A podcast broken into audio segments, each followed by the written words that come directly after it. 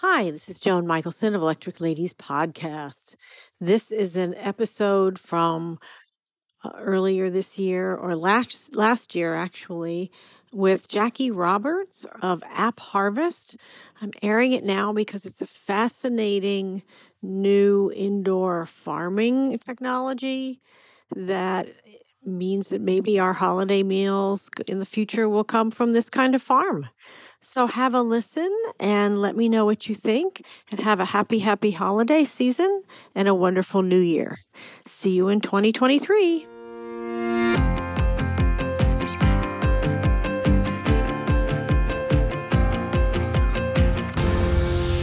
Remember the devastating effect of cold snaps and hurricanes on our fruits and vegetables in the fields? Entire orange groves wiped out? Or entire grape crops dying due to the lack of water and a drought? Or wiped out by the horrible wildfires in Northern California? The Washington Post and the journal Nature Climate Change reported in December of 2019 that, quote, extreme weather patterns are raising the risk of a global food crisis. Climate change will make this worse, close quote. Yikes, folks. They described multiple crop failures around the world at once, including in soybeans, corn, wheat, and others due to many and many more severe weather events in what's called the breadbasket of the world, including in the United States. So, what do we do about it? What if more of our lettuce and apples and corn, etc., were grown indoors like a giant greenhouse? Well, Today, we're going to find out from a woman who's been working in climate issues for about 25 years and is now doing this kind of work. Welcome to Green Connections Radio, where we bring you insights and tips from remarkably innovative women about corporate responsibility, energy, and sustainability related issues. I'm Joan Michelson. We talk about innovation, leadership, technologies, and careers, always bringing a new perspective. Find us anywhere you like to listen to podcasts on greenconnectionsradio.com and through my Forbes blog as well. And please pass it on to your friends. If you are struggling with your own career, especially in this crisis, please reach out to us and let us know via Twitter or our contact us page on our website or LinkedIn. We can help you no matter what industry you're in. Okay, so we've all seen greenhouses. I interviewed Donnie Nolan, for example, who runs the greenhouse at George Mason University in Virginia, about how her facility is providing food and even spices to the university's food service. And we see greenhouses with just flowers, like at Hillwood Estates and other properties. And now we see cannabis plants being grown in greenhouses. But what about greenhouses on a commercial scale? And ones that recycle water or do not use toxic fertilizers or get more out of the acreage than tenting an outdoor farm would, right? Well, that's what my guest today says their novel indoor farm will actually do. So let's find out how it works. I'd like you to meet Jackie Roberts, Chief Sustainability Officer at App Harvest. Jackie has been in the sustainability space, as I said, for probably 25 years, including in the same role, Chief Sustainability Officer at the Carlyle Group, which is an investment company, and as Senior Director of the Environmental Defense Fund, or EDF, where I first met her probably about 10 years ago, I think it was, right? She earned all her degrees from Yale, smart cookie that she is, including a bachelor's degree in chemical engineering and two, count them, master's degrees, one from the Yale School of Management and the other from the School of the Environment. Without further ado, welcome to Green Connections Radio, Jackie, and thank you for joining us. I'm so excited. Thank you, Joan. It's great to be here. Oh, you're welcome. You're welcome. Congratulations on your new role at App Harvest. Give us an overview of the indoor farms. How does App Harvest actually work? Where they, you know, where is it located? I understand it's in Appalachia, but give us a little more details, you know, kind of what you're growing. Give us give us the proverbial 30,000 foot view. App Harvest, I think, is a really unique company in that our core product, which is healthy vegetables, is combined with a very sustainable, climate resilient way of growing those vegetables. And we're doing it in Appalachia, where the opportunity for job growth and economic development is really appreciated. Um, the, the core product is a chemical pesticide free. Um, in, in our first large greenhouse, which you can see a picture of in my background, but it's 60 acres for those who can't see it, um, is uh, growing tomatoes and and it's chemical pesticide free and gmo free because the way we can grow in a closed system enables us to use biological pest approaches to control pests and disease and also a lot of trained workers and other interventions that can prevent outbreaks. So we you know as a, as a mother with three children knowing that what's coming out of our greenhouses is you know zero residue is a real attribute that i value but how we grow it in is what your introduction spoke to. It, it is we are very climate resilient. In the storms that the ice storms that have recently hit you know we had some employees that had trouble getting to work. Other people had to pitch in. We had one employee show up on their tractor to make sure they could get to work. Um, but you know we we really did um, incredibly well in terms of being resilient. We had all the things we needed. We were harvesting on time. Stuff was getting out to the markets and it was a real testament to this strategy as an important part of the mix of different types of agriculture.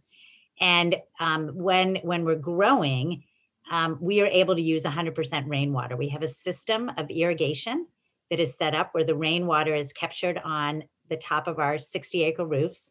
It's stored in a retention pond, and then we bring it into the greenhouse with a little bit of filtration through sand and UV light and and that water recirculates. We don't ever uh, release anything into the atmosphere. The nutrients are put into the water and stay in the water until we need to add more. We can measure very precisely. It's a space where ai has really enabled us to do very precise measurements and give the plants exactly what they need. We do um, some nanotechnology with bubbling the water because bringing more oxygen into the water enables the plants to absorb the nutrients even better. But all of that is, is a closed system. And you know, when, when I started in chemical engineering, the reason I went into chemical engineering is I had a wonderful professor who said, if you care about environmental problems, you should study chemical engineering because you learn how a system works and where all the pollution comes from and how it's released to the environment. Well, now I have a closed system that I'm getting to work on every day, and it can do amazing things. So that's great. There's a lot to unpack in there. So, first of all, GMO is one of those funny things. I mean, I, I'm I actually have a bit of a controversial view on this because I think if you can feed more of the world with rice that has been modified to be higher in protein and those people stay healthier, then that's a good thing. So, um, in my head, all GMO food, uh, modified, all genetically modified food is not created equal. It's it's not the boogeyman to me all the time. I know a lot of people are like, ah, you know, but I just I think there are times when it can actually be a really good thing because it can increase the nutrients for people who need them. And we've seen another example where some some breeding has enabled communities in Africa to grow seeds that are more climate resilient to drought and other areas. Um, so I do. I mean, we we would simply look at the you know the feedback from consumers that consumers are drawn to non-GMO products. We we know that we hear that we see that and and that's how we look at the issue and that's and that's why we want to make sure consumers know that that's one of our attributes. No, I appreciate that. So you mentioned um, several things, but what I wanted to drill down, one of the few I wanted to drill down on is how the rainwater system works because you said that so like it it rains. I mean, we're in I'm in Virginia also, and it doesn't I mean it rains a certain amount, but it's not like Hawaii, right? How does how does that actually work? I mean, the rain but that you can't only depend on rainwater. I mean, there's not enough of it. Kentucky is a region that is very rich in rainwater and we eh, we can rely on rainwater. The way the greenhouse is designed the amount of water that we can capture primarily again through capturing it on the roof storing it and reusing it. And and it's because again what we're able to do is measure how much water the plants need and we don't need to overwater.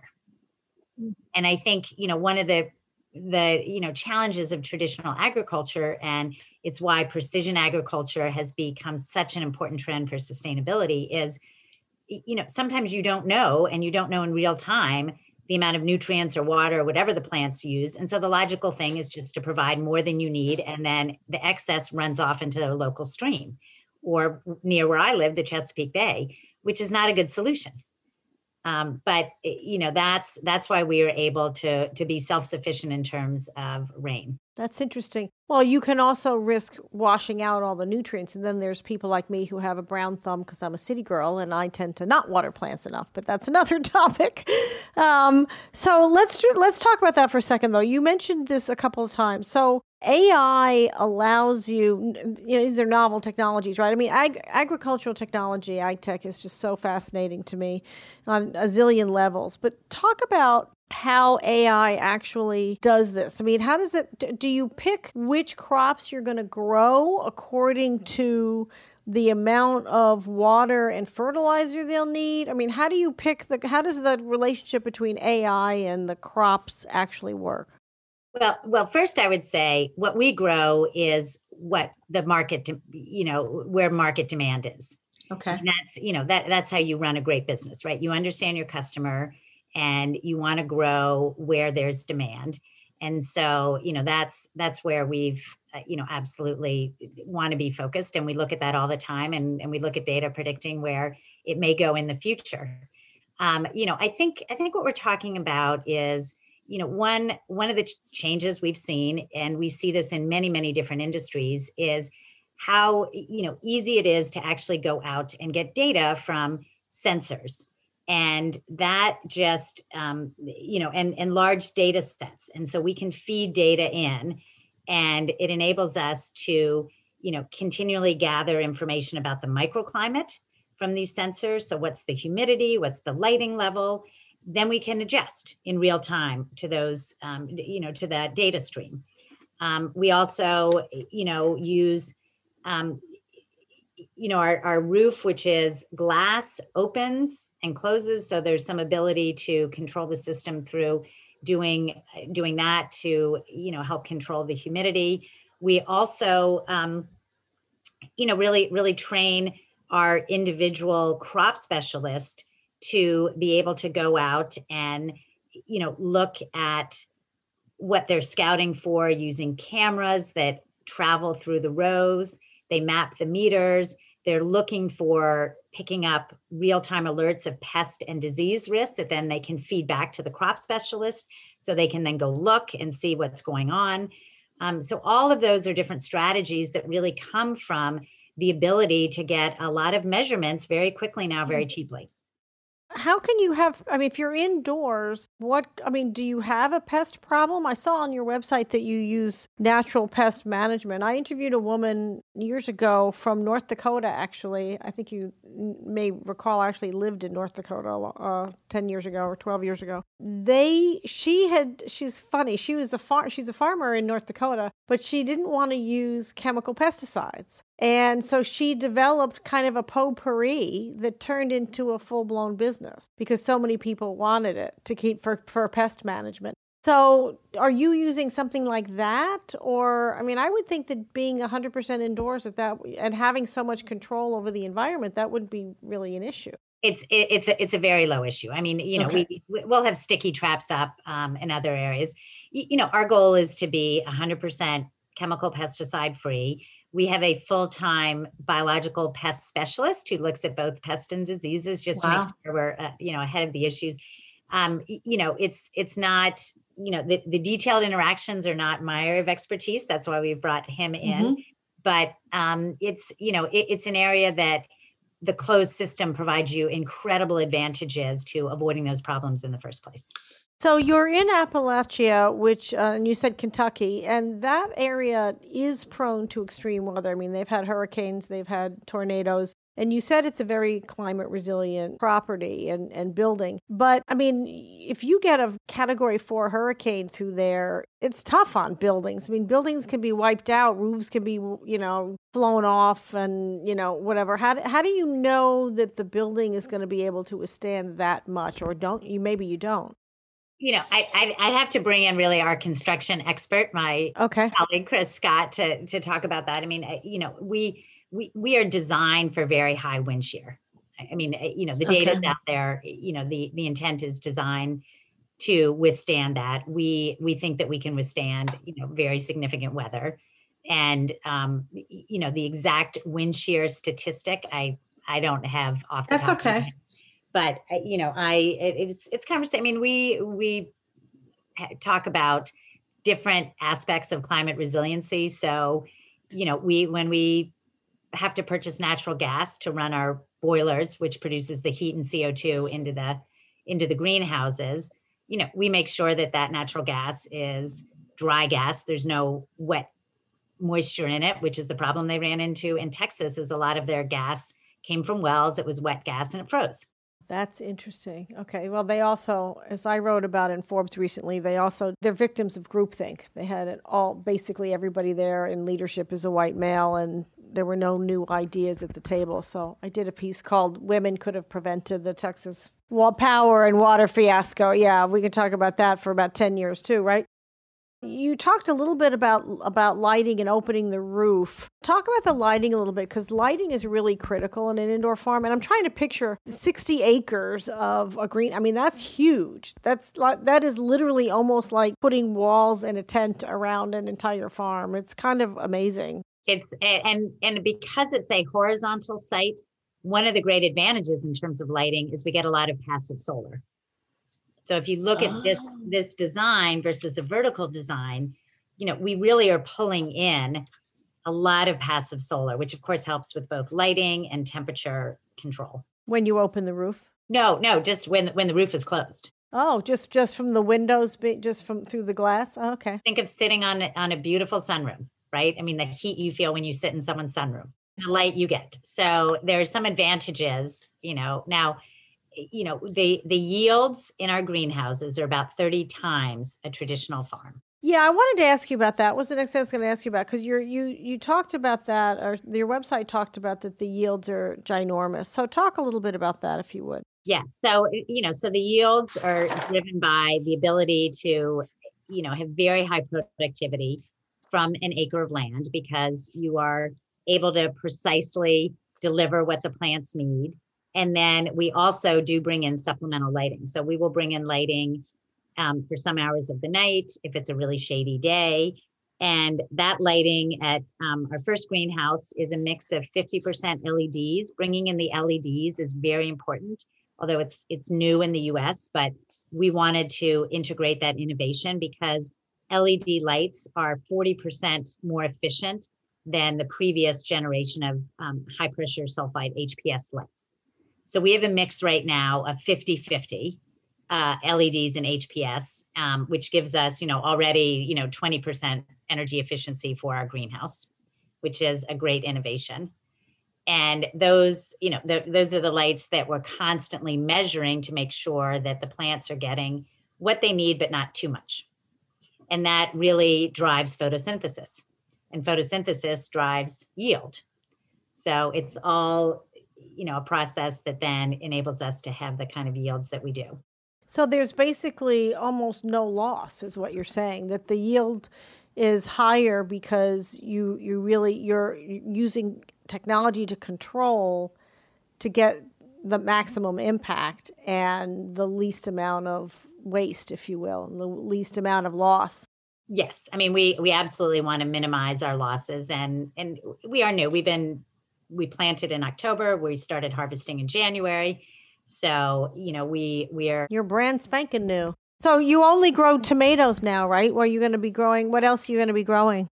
Well, I think that we are looking at um, an array of different types of tomatoes. So there's tomatoes on the vine, there's beefsteak, there's cherry tomatoes. We um, uh, we know that in our next three greenhouses, one of them is going to be leafy greens.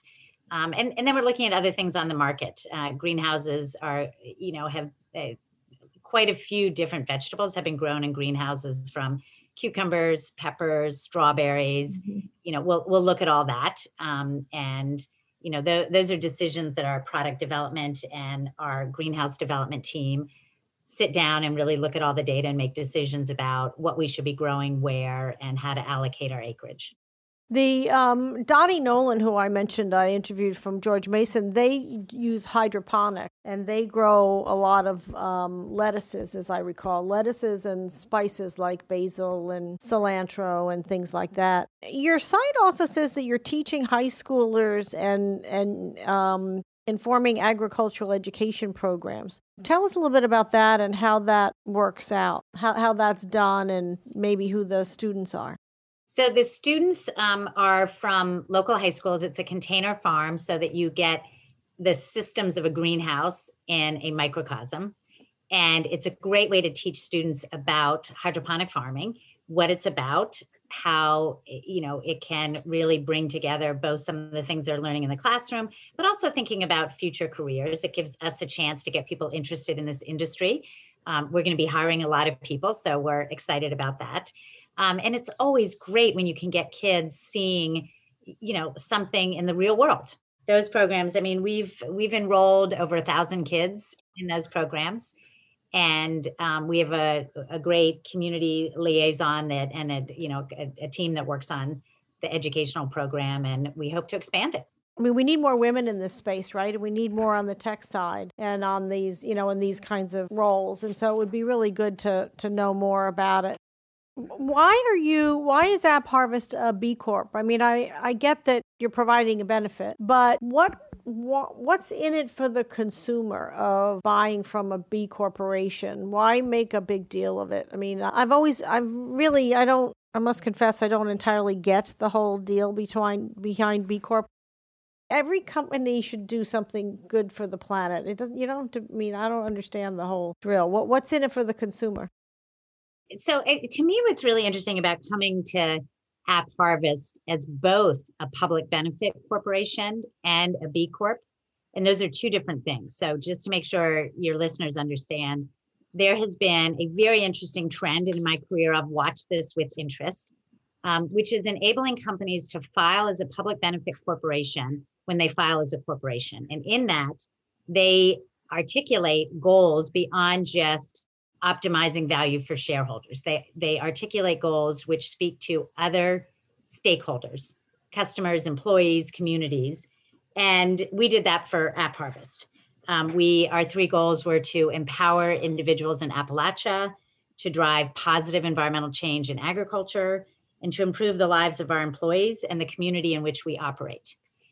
So, to me, what's really interesting about that is a lot of companies today, whether it's the Business Roundtable or elsewhere, are talking about the importance of companies paying attention to a wider array of stakeholders. Mm-hmm. If you want to be a successful company 5, 10, 15 years from now, that is now recognized as an important part of how you run your business. Filing as a public benefit corporation is standing up and saying, we are serious about that, and we are serious enough that we have filed as a different type of corporation. We are going to report annually on our progress towards that. And we have opted in to having B Labs certify us as a B Corporation. And you go through a rigorous process of answering over 250 different questions about your environmental, social, which is both employees and community, and governance practices so that you are stress tested on a whole array of environmental, social, and governance issues. I think consumers are just starting to understand what a B Corp means. I think investors are just starting to really appreciate that being able to be successful as a public benefit corporation and a B Corp is uh, the type of company that people want to invest in. And the demand for those types of companies, I think, is going to just get stronger and stronger.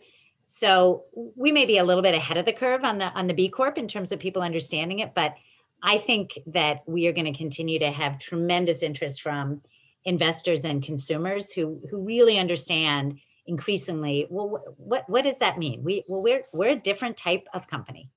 When I go into the market um, or even buying things online, but you can it tells you where something was grown, you know, from Chile, from Mexico, from California, whatever. When somebody buys uh, an App Harvest tomato, um, first of all, where could they buy it? And because I also saw this thing on autonomous carts carrying the produce to the to the market, which kind of blew me away. But where can they buy it, and um, where can they, and how can they know that it's? I mean, does it say from App Harvest, or does just does it say from Appalachia or Kentucky or?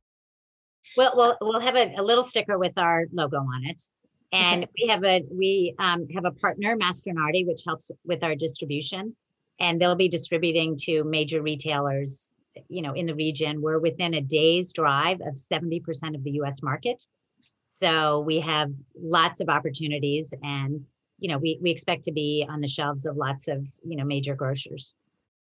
You've been in really in for lack of a better word, consulting type roles all the times that I've known you, both at EDF and then at uh, Carlyle. You're, I mean, it, Carlyle is not a farm. Carlyle is an office building, and you know, I mean, so uh, what's it like for you now being in more of an operational role? I mean, you're you're hands on. You know, you're you're getting your fingernails dirty, so to speak. You know, well, what's that like for you now?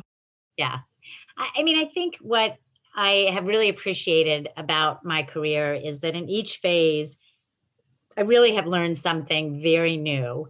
And in this operational role, there's no question that now being the one in the hot seat, so to speak, having to drive different sustainability initiatives, having to do all the work that relates to governance to communicate with all of our key stakeholders, all of that um, is is now coming out of my team and it's just a great experience to be able to work with the growers in the greenhouse the construction team the it team and really help integrate sustainability into all those different functions.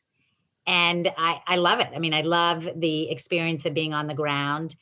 I love the you know work to really bring the science and the financial analysis together because ultimately I think that's really a big part of sustainability. And um, and then you know come up with a, a you know a strategy that is going to make us a better and better company.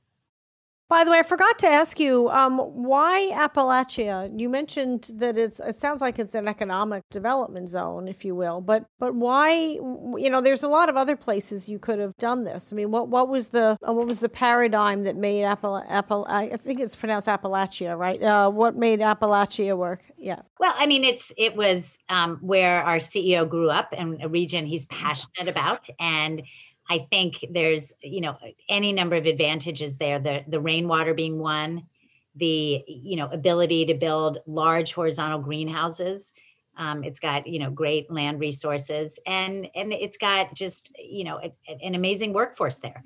So I think we're benefiting from all of those. And then of course geographically, as I mentioned, it's located within a day's drive of 70% of the U.S. population. So if you want resource efficient, locally grown fruits and vegetables, Kentucky's a great place to do it. No, that's point. By the way, there's a group I heard about. You, you may you may get some workers from the coal industry too, as they get less and less. Yeah, there's a company there. I forget the name of it that is training coal miners to be coders. And uh, of course, I when I heard about that, I thought, well, there's no excuse for me now not learning how to code.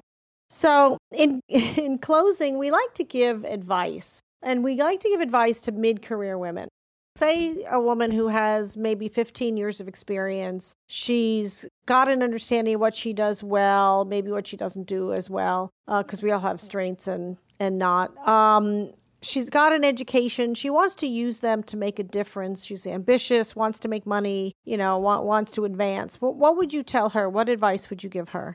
Well, I think one thing is to take chances. And I think some of the most interesting experiences that I have said yes to, I, I really had no idea how it was going to work out. You know, I didn't I didn't overthink it. I kind of, you know, went with the gut of I just, you know, I, I like the people or the company or what they were doing, and um, and and I would learn a lot. So I think that test for is this going to stretch me in new ways? And I actually, believe it or not, I have never the, the one time in my entire career I took a job because I thought I should have that kind of a job and it would be good for my resume was the worst decision I made and I lasted 6 months. And it's actually not even on my resume anymore. Well, I, I, had one of those. Mine lasted a year. I mean, I really wanted to work for this company, and it was a bleeping train wreck. so, and then you know, if somebody told me I'd be working in Fargo, North Dakota, in the electric car business, I, you know, I'd look at them like they had twelve heads, right? Right, right. So I, you know, I really had, you know, no idea where my career would lead. And um, when I look back, of course, it looks really logical. Well, of course, it wasn't. It was you know a, a, series of happenstance it was different you know different things at different times that made sense a lot of it was driven by personal decisions maybe eh, you know what my what was happening on my on the you know home front so I just, you know, I just think being open to new things um, is, you know, is is really important and just taking chances. I agree with that. Did you have kind of a career plan in mind? I mean, you did study chemical engineering and you did study, you know, you obviously went got ma- two master's degrees. I got my master's degree as a grown up. I only got mine about about 15 years ago or so. But how do you feel about career planning? I mean, how do you feel about figuring out what cuz there are some people who I interviewed a woman recently who did some research on diversity management and career planning and one of the things that she found in a male dominated industry. And one of the things that she found was that women benefit more from more uh, specific career planning efforts, even if they don't always, fo- even if that's not where they end up, but that it's the process of thinking it out and the planning and the figuring out who you need to might need to know and what you what you might need to know makes a difference. I, I mean, I, I absolutely appreciate that perspective. I think my personal experience was not that way. I will say I had a key mentor at each stage. So you know, even my first decision to to switch into chemical engineering as a major was because I decided environmental issues were really, really cool back in the 80s. And I love science. And it was a great way to kind of combine my interest in science with something very real world. And there was one professor on the campus of Yale who was really working in that space. And he was the one who said, Well, if you want to be employable, you should probably major in chemical engineering. And I really had no idea what I was getting myself into. You know, I was a, a, sophomore in college. I was very naive about what chemical engineering was, and so I just said, "All right, I'll do it." Um, and you know, it was it was a big decision, and I didn't I didn't second guess it. You know, I just kind of stuck my head down and got through all those engineering classes.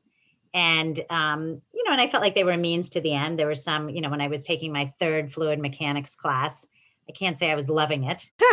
you know, I was really loving my art history class more, but you know, I kept feeling like, uh, okay, sort of a means to an end. Um, and you know, I, I think I think the other thing that I've been lucky about is I've just had backgrounds that were a little bit unique. I tended, and and for probably some of the wrong reasons, but you know, I, I thought I wanted to be an environmental lawyer. And so I would probably, you know, work at EPA for a couple years and then go to law school because I didn't know any other way to work in the field. But every time the EPA Region 1 Office of Regional Counsel had an opening, they had like 300 applicants for it. And I, I would said, I, I don't want to, you know, I, I don't want to compete with that kind of competition. You know, and they were all coming out of probably Harvard Law and other places. And I, I just decided, well, that just seems too hard so instead, again, I had a great mentor who said, Look, we have a lot of fabulous lawyers, but we don't have a lot of people who like to do project management and people management. Mm. So why don't you go look at the Yale School of Management? Why don't you think about developing a skill set that is sort of missing in this field right now? And it was true. Like very few people like to do project management, and that turned out to be something I was pretty good at, and and um, that gave me a lot of opportunities. So I, I think also looking for the white space. Yeah, I think that's a really good point. Um, I was going to say, find your own niche, right? Leverage who you are to find your own niche where you're you're different, right? Yes. Problem with Career Paths is they show you how one typically does it, but then then you're you know then you're in the lane with everybody else and sort of competing with everybody else they don't help you think out of the box about, well, how else could I actually get into this field? What if I love to write? So maybe there's something I should be doing with that. And and that's what I think sometimes career coaches um, you know, I, I, I haven't worked with one, so I don't know how they go about it, but that's that's what I think you would want to do as you're also thinking about your career. Well, I happen to do some career coaching, and that's not how I approach it at all. So you have we can talk about that sometime. Yeah, no, I approach it more like you're talking about in terms of, you know, who do you want to be? And what parts of you do you want to use? Yeah. And what do you know? And, you know, find the the Venn diagram, if you will, of all of that with the marketplace. And so it's a more holistic perspective. Oh yeah, no, you don't I'm not a follow the follow the crowd kind of girl. So any final thoughts before I let you go, Jackie? No, I'm I'm glad you're doing this. I love, you know, featuring AppHarvest and and women in the field. Uh, it's you know it's I think it's an exciting time. I've always believed that solutions to sustainability problems could drive innovation, economic growth, new industries, and that's what is so exciting to me about AppHarvest is that we're doing that. There's real opportunity on the ground, and you know that that's a just a vision, um, and and then it's just been fabulous to take a lot of my experiences and share it with a young team on the ground. My sustainability lead who's sort of my right hand person just graduated two years ago from university of kentucky. My other team member who does recyclable materials for us he's our recyclable materials coordinator went to morehead state university and is was worked at the morehead recycling center. Um, and then and then we have a third team member who was worked for fish and wildlife who's you know helping us think about biodiversity issues on all of our assets part-time he's also working on greenhouse operations but you know it's just it's it's a it's a very local team that is very talented and it's fun to bring my experiences to a new area of the country I think that's great. And, you know, you're, like you said, you're so centrally located that you can get anywhere pretty easily. Thank you so much. I really appreciate it. Jackie Roberts from AppHarvest. So, would you buy produce grown in a giant greenhouse? Does it matter to you where it's grown? Tell us on Twitter at Joan Michelson, and you could win a free coaching session with me. We're doing a new thing where we'll do periodic drawings of responses, and the winner of each drawing will get a complimentary 30 minute coaching session with me. And yes, we tailor to what you need. We are also running a coaching special right now to help you start off the year strong. So please subscribe to our mailing list to get that and stay abreast of our talented, amazing guests like Jackie, our blogs, and more. Um, if you want career advice, or really, if you're struggling in this craziness right now, please reach out to me or somebody because you're not alone and it's a really stressful time. So take mm-hmm. care. I'm Joan Michelson. Thank you for joining us. See you next time and please stay mm-hmm. safe. Hi again. So, what did you think of Jackie Roberts' farming technology? Isn't that incredibly cool? So, let us know what you think on Twitter at Joan Michelson and have a wonderful holiday season. And we'll see you in 2023. Thank you for listening. See you soon. Bye.